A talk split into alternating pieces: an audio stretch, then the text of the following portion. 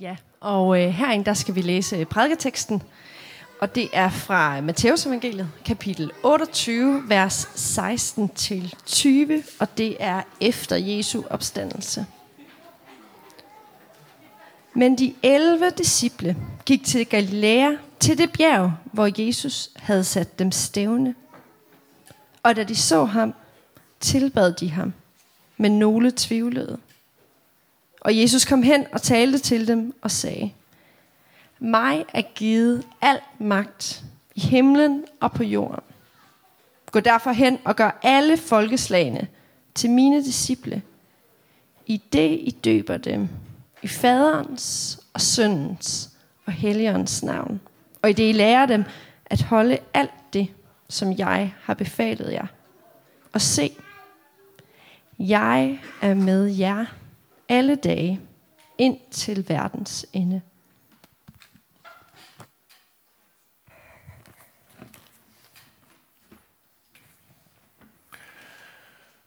Den her prædikenserie, den var lige ved at øh, få overskriften fra et hashtag i stedet for.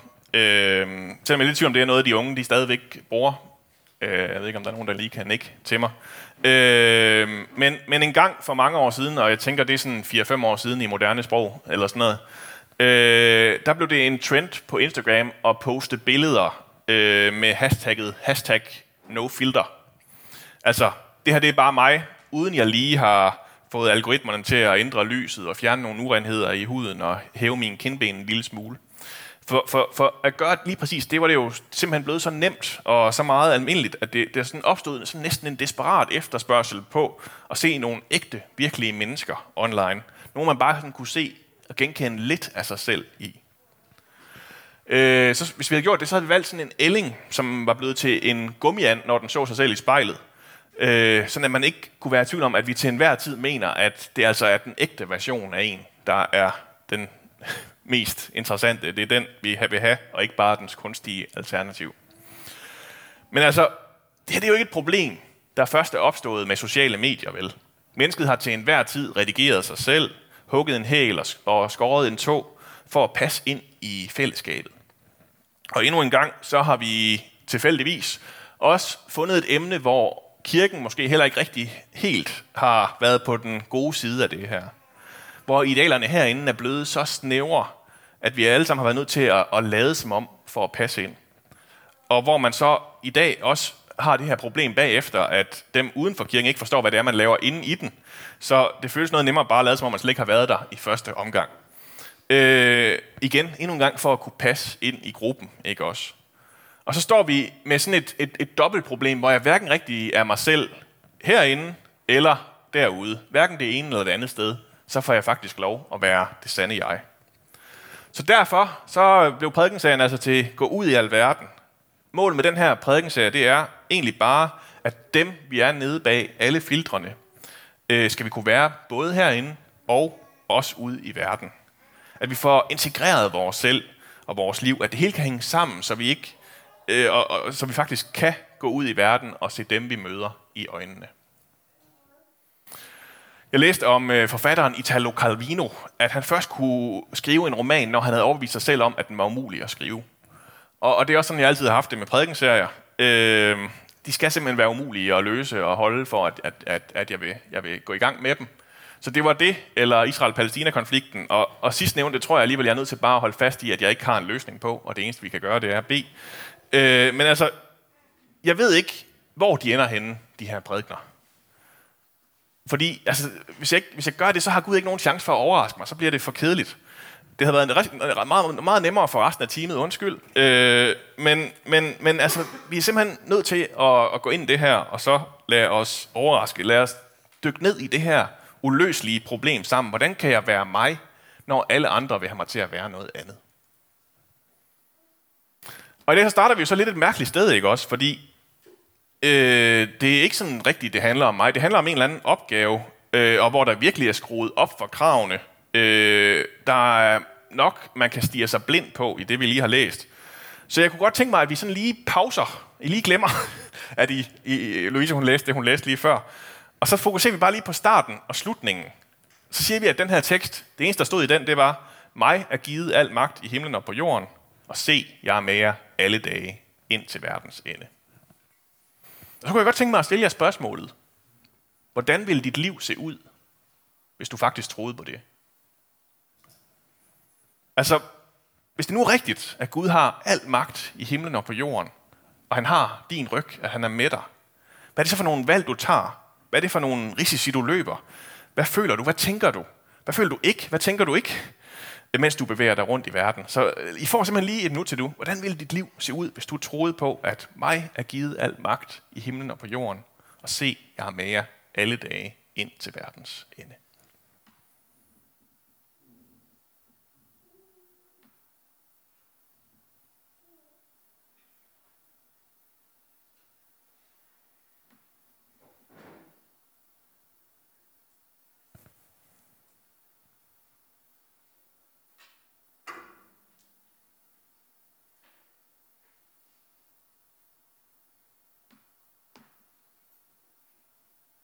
Ja. Jeg vil gerne starte med at undskylde formen på spørgsmålet, ikke også? Hvis du troede på, altså, vi er jo i kirken, ikke også? Altså, det tror vi selvfølgelig alle sammen på, eller? Nej, det, gør, det er jo faktisk derfor, vi er her. Fordi vi har brug for, uge efter uge, dag efter dag i virkeligheden også, at øve os i det her, for at finde ud af, hvordan i alverden vil de gøre det, hvordan vi lever vores liv i større tro og tillid til Gud, fordi det kommer ikke naturligt for nogen af os. På sin, vis, så er vi jo også inde i sådan noget helt, helt grundmenneskeligt, ikke også? Øh, på nogle områder, så snakker vi egentlig bare om, om selvværd og selvtillid her. Hvor, hvor henter vi den fra? Er det noget, jeg skal præstere eller mene nok?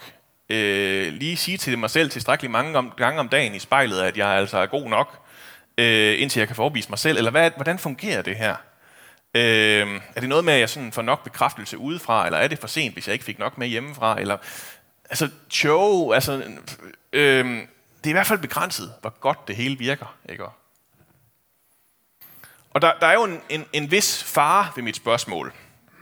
Øh, måske sad du og tænkte før, at hvis du nu bare troede fuldstændig 100% på det her, at Gud er med dig, så vil du blive sådan en eller anden slags kristen superhelt.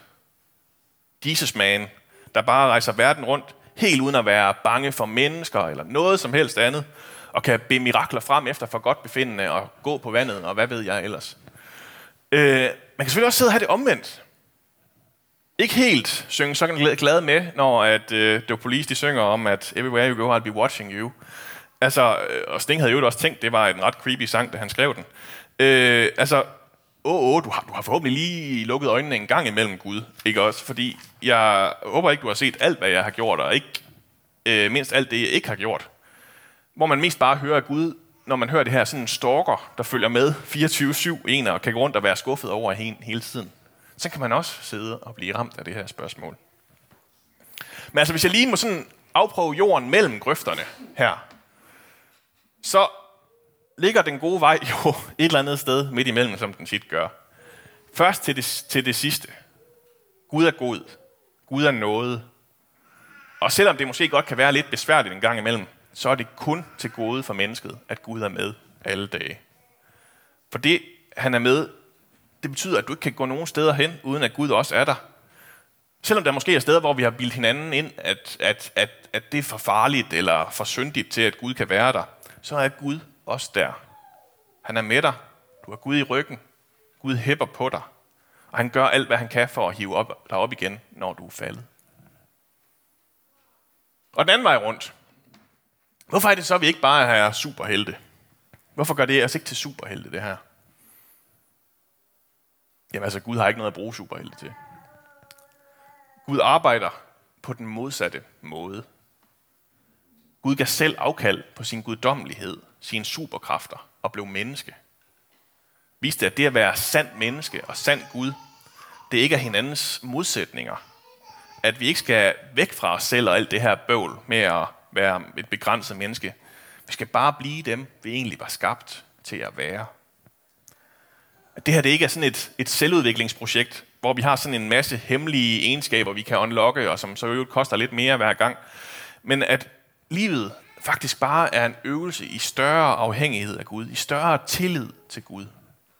At tillid er vejen mellem at holde, at, at den her sådan holde øje Gud, øh, og den her øh, Gud som en eller anden slags radioaktiv æderkop, eller hvad det lige er, vi forestiller os, det er, når han skal gøre os til de her superhelte. Øh, at det ikke er sådan, det fungerer, men at vi er sat i en relation, hvor vi er afhængige af Gud, og hvor det, vi kan øve os i, det er tillid til Gud. Så det er egentlig bare gode nyheder, det her. At vi får ud af en god og almægtig Gud, som er med os alle dage. At det hele ikke afhænger af dig, men at du er dybt afhængig af Gud. Og at det er det bedste sted, du overhovedet kan være. Det er der, du kan hente selvværd og stelselid fra. Ikke fra et eller andet indre depot, som findes et eller andet hemmeligt sted inde i dig, som bliver ved med at løbe tør hele tiden. Men hos ham, der har skabt det hele. Og gået hele vejen som det her bøvlede, begrænsede menneske, han selv blev. Og det sætter jo den her opgave, som så var den del af teksten, som Louise læste, før I godt må komme i tanke om igen nu, øh, i et lidt andet lys, ikke også? Det forklarer jo lidt bedre det her derfor, som den sætning startede med, at når nu al magt i himlen og på jorden er givet til Jesus, så kan vi gå derfra hen og gøre alle folkeslagene til mine disciple, i det I døber dem i faderens og søndens og helligåndens navn, og i det I lærer dem at holde alt det, som jeg har befalet jer. Det er jo en alt for stor og ganske umulig opgave, hvis det hele det afhænger af mig. Hvis det er mig, det hænger på. Også når jeg nu knap nok selv kan finde ud af det her i første omgang. Men det er jo en ganske overskuelig opgave, hvis det er noget, Gud gør og har inviteret mig med til. Det hele det bliver grundfæstet i, at det er Gud, der har magten. Så opgaven er ikke at få alle de andre til at gøre noget bestemt, eller sige nogle magiske trylleformularer, så de bliver rigtig kristne, men få dem til at opdage, hvem de i virkeligheden er. Øh, at man så, når man gør det, lader sig døbe og træder fuldt ind i den identitet. Og at der så er et liv, der er en måde at leve på, så livet giver mening. At man melder sig ind som elev hos Jesus. Hos den Gud, der selv blev menneske. Nu er der en, nu er der en vis far for, at øh, I hører superhelt igen nu. Men øh, vi skal snakke om noget andet nu. Vi skal snakke om det, som katolikkerne kalder for helgenerne. De her vidnesbyrd om mennesker, som i helt unik grad har grebet det her. Har opgivet deres egne små idéer om, hvad det er, livet går ud på. Og stillet sig ind som efterfølgere af Jesus. I tillid til, at det er hos Gud, der er liv at finde. Selvom det, det sjældent har kunne aflæses på bundlinjen, eller at man lige sådan har kunne se, hvor fedt det lige var. Øh, og jeg kunne godt tænke mig at bruge den sidste halvdel af prædiken i dag på at fortælle jer om en af dem. Velviden, at der er en vis chance for, at de bare tænker, superhelt, og det er ikke mig det der, og sådan bliver jeg aldrig. Og øh, jeg tænker også, det er også sådan en historie, som det er svært ikke at blive provokeret af, og ikke bare synes, at han er dum en gang imellem, eller sådan ser det i hvert fald ikke ud. Og det må man gerne. Øh, men men jeg fortæller den her historie for at vise, at det her liv, det, altså, det, det findes faktisk. Øh, så skal vi så bare finde ud af, hvordan det også ser ud for os her 1700 år senere. Så i dag så får I beretningen om Johannes Chrysostomos. Johannes Chrysostomos han bliver født i Antiochia i år 345 efter Kristus. Det var Romerrigets tredje største by på det her tidspunkt, med cirka en kvart million indbyggere digteren Cicero, han kaldte den her by for Østens dronning. Øh, for i den her græske verdensstad, der var der hverken mangel på brød eller skuespil. Der var stadigvæk langt til urolighederne i Romerrigets udkanter. Og i Antiochia var der en velbjerget overklasse, som bestemte. Handelslivet var intenst. Det hele kørte. Der var en halv mil lang gade, øh, belagt med marmor og kantet med søjler og strålende statuer, som sådan, lagde sådan en gylden tværsnit midt igennem byen. Og på teaterne og de luksuriøse badeanstalter, så slappede antiochianerne af og nød livet og tog til vedløb i den her kæmpe store hippodrom, som altid samlede fuldt hus. Øh, selv de kristne, som på det tidspunkt var en minoritet, men en anselig minoritet af byen, havde vendet sig til det gode og behagelige liv i byen.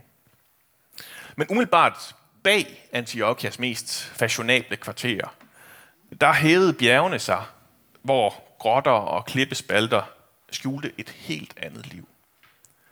Tidligere om morgenen, mens byens gader stadig, ikke var, øh, stadig var øde og alle dørene de var låste, så samledes eremitterne, de her eneboere, i små grupper på bjergskråninger, for i stillhed at sende deres bønder mod himlen.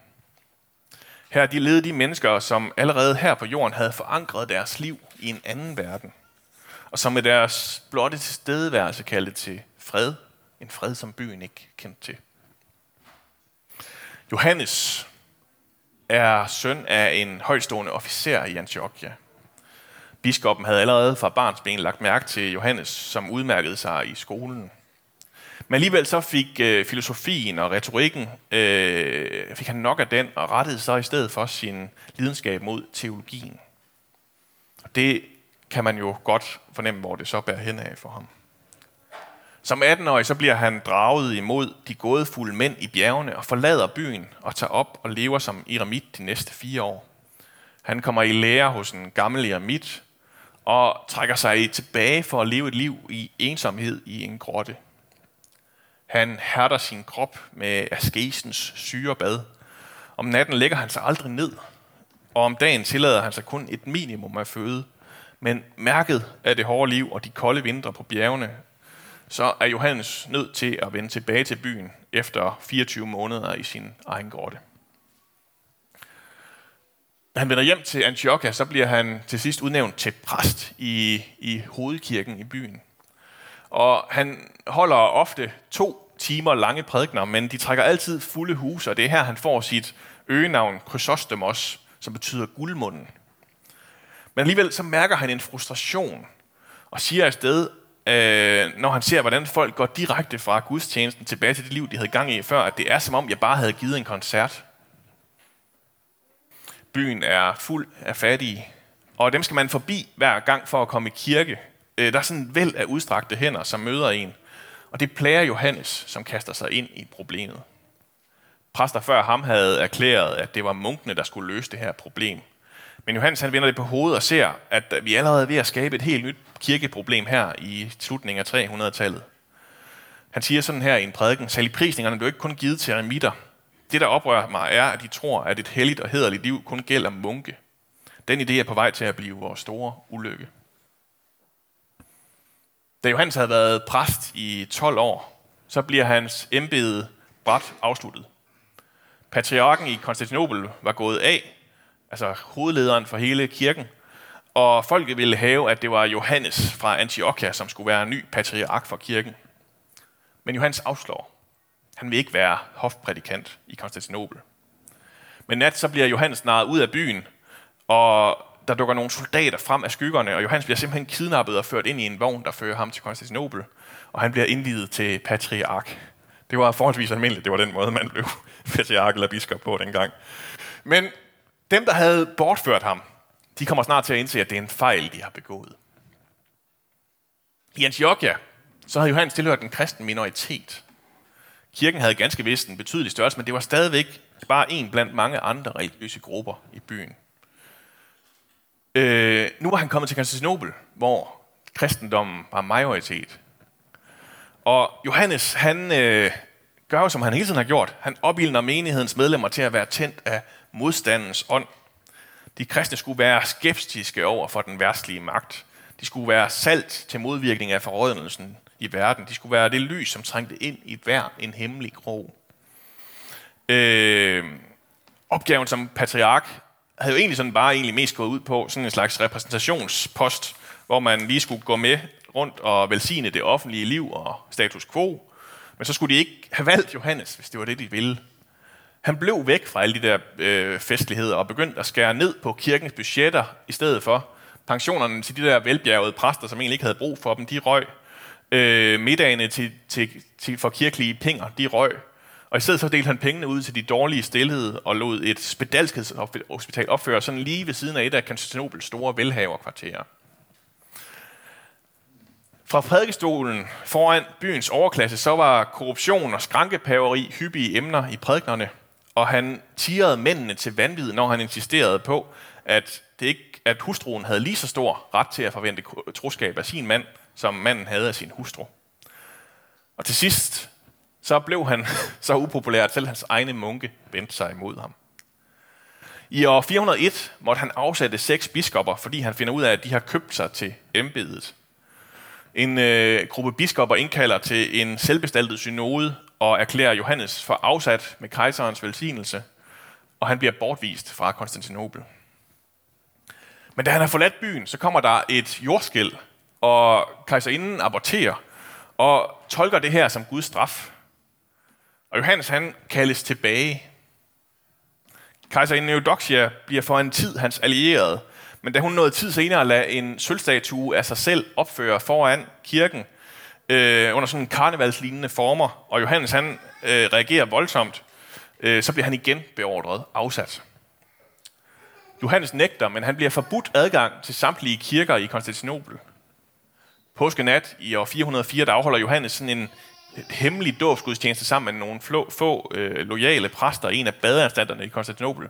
Men den bliver også afsløret, og der kommer soldater ind og afbryder øh, under vold øh, gudstjenesten.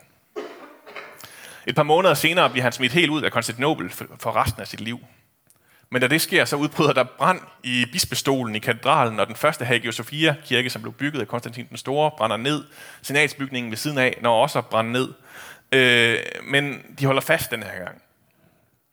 Johannes han bliver bortvist til Armenien, men en strøm af pilgrim begynder nu at bevæge sig derhen, og da myndighederne opdager, at de egentlig bare har givet ham endnu større indflydelse på den her måde, så sender de ham længere væk til en øde afkrog øst for Sortehavet, vandrende til fods overvåget af soldater. Den her rejse, den tager Johannes' sidste kræfter. Den 14. september år 407 om morgenen ved kirken i byen Kumana i Pontus, så er Johannes så svag, at han ikke kan gå videre. Han beder om lov til at iføre sig hvide klæder og få nadveren, og så beder han sin sidste bøn, som slutter med ordene, Gud skal tak for alt. Sådan kan et liv se ud.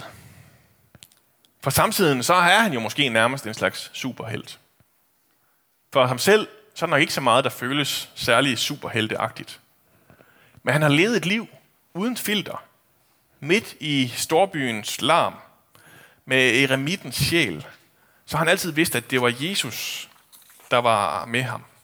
At det var det, der var vigtigt. Også selvom han var uvenner med kejser og præster og alt muligt andet. Og at det havde konsekvenser for hans liv. Ja, jeg slutter af med at, at læse bibelteksten igen. Mig er givet al magt i himlen og på jorden. Gå derfor hen og gør alle folkeslagene til mine disciple, i det I døber dem i faderens og søndens og helligåndens navn, og i det lærer dem at holde alt det, som jeg har befalet jer. Og se, jer med jer alle dage ind til verdens ende. Lad os bede. Jesus, tak at du er med. Tak at det er dig, der har magten. Lær os at leve et liv i større tillid til dig, i større afhængighed af dig. Men os om, at vi ikke skal være superhelte, eller at vi skal gå og være bange for, hvad det betyder, at du er med.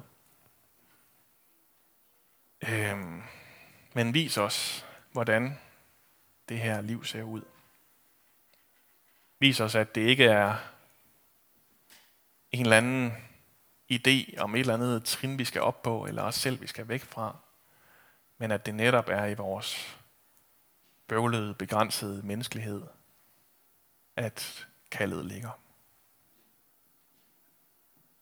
Ja. Fyld os med din ånd. Det har vi brug for. Amen.